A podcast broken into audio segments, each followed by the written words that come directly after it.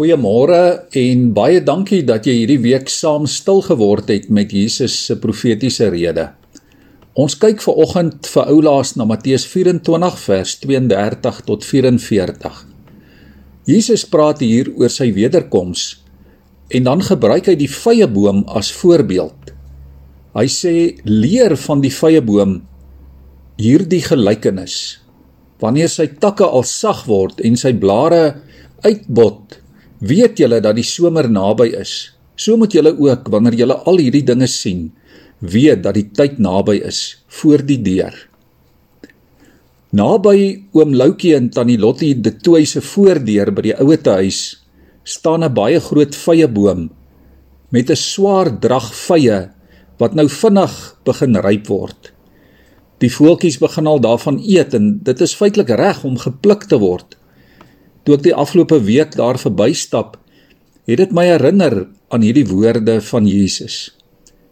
Dit het my ook herinner aan ons grootword tyd op die plaas, aan die soet reuk van vye konfyt wat op die ou essie stoof in die kombuis kook.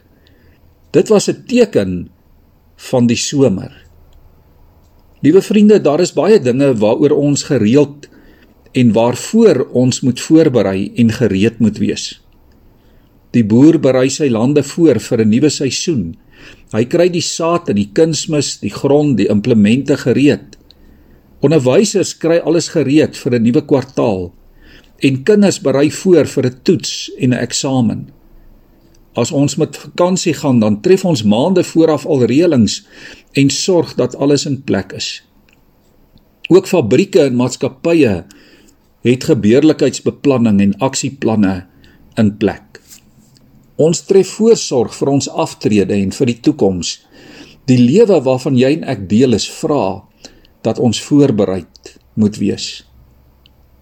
En Jesus herhaal dit verskeie kere dat mense wat nie voorbereid is op sy koms nie, daardeur verras sal word. Sy koms sal so blitsig wees soos 'n weerlig en niemand weet wanneer presies dit kom nie. En tog is daar oral tekens wat ons daaraan herinner soos die vrye boom 'n teken is van die somer, is daar tekens wat ons wil laat onthou dat die Here na ons toe kom. Oral in die wêreld word dit wat heilig en goed is, ontheilig.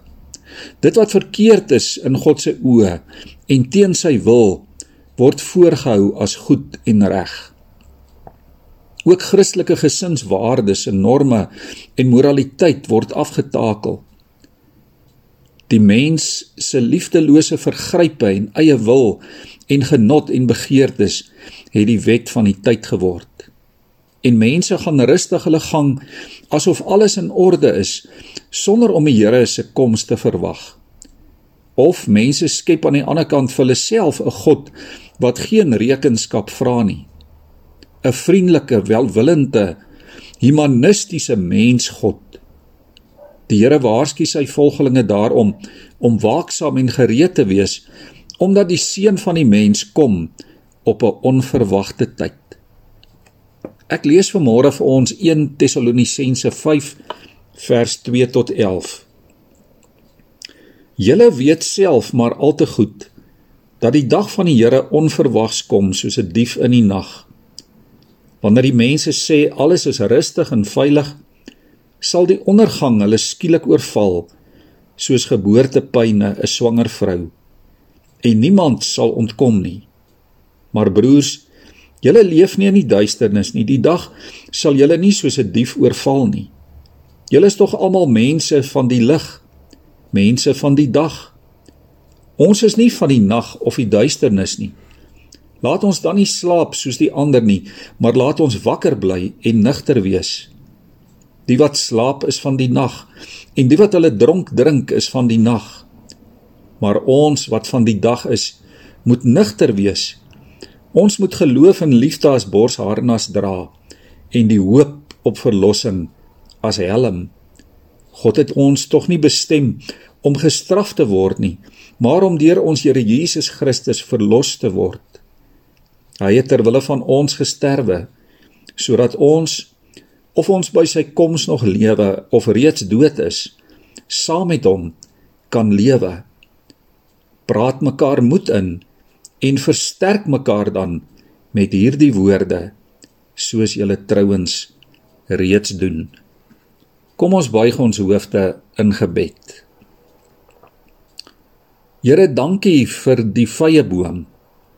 En dankie vir die tekens oral wat ons herinner om elke dag toegewy aan U te lewe. Here, help ons om in gees, siel en liggaam aan U gehoorsaam te wees. Ons eer U vir U groot genade. Amen.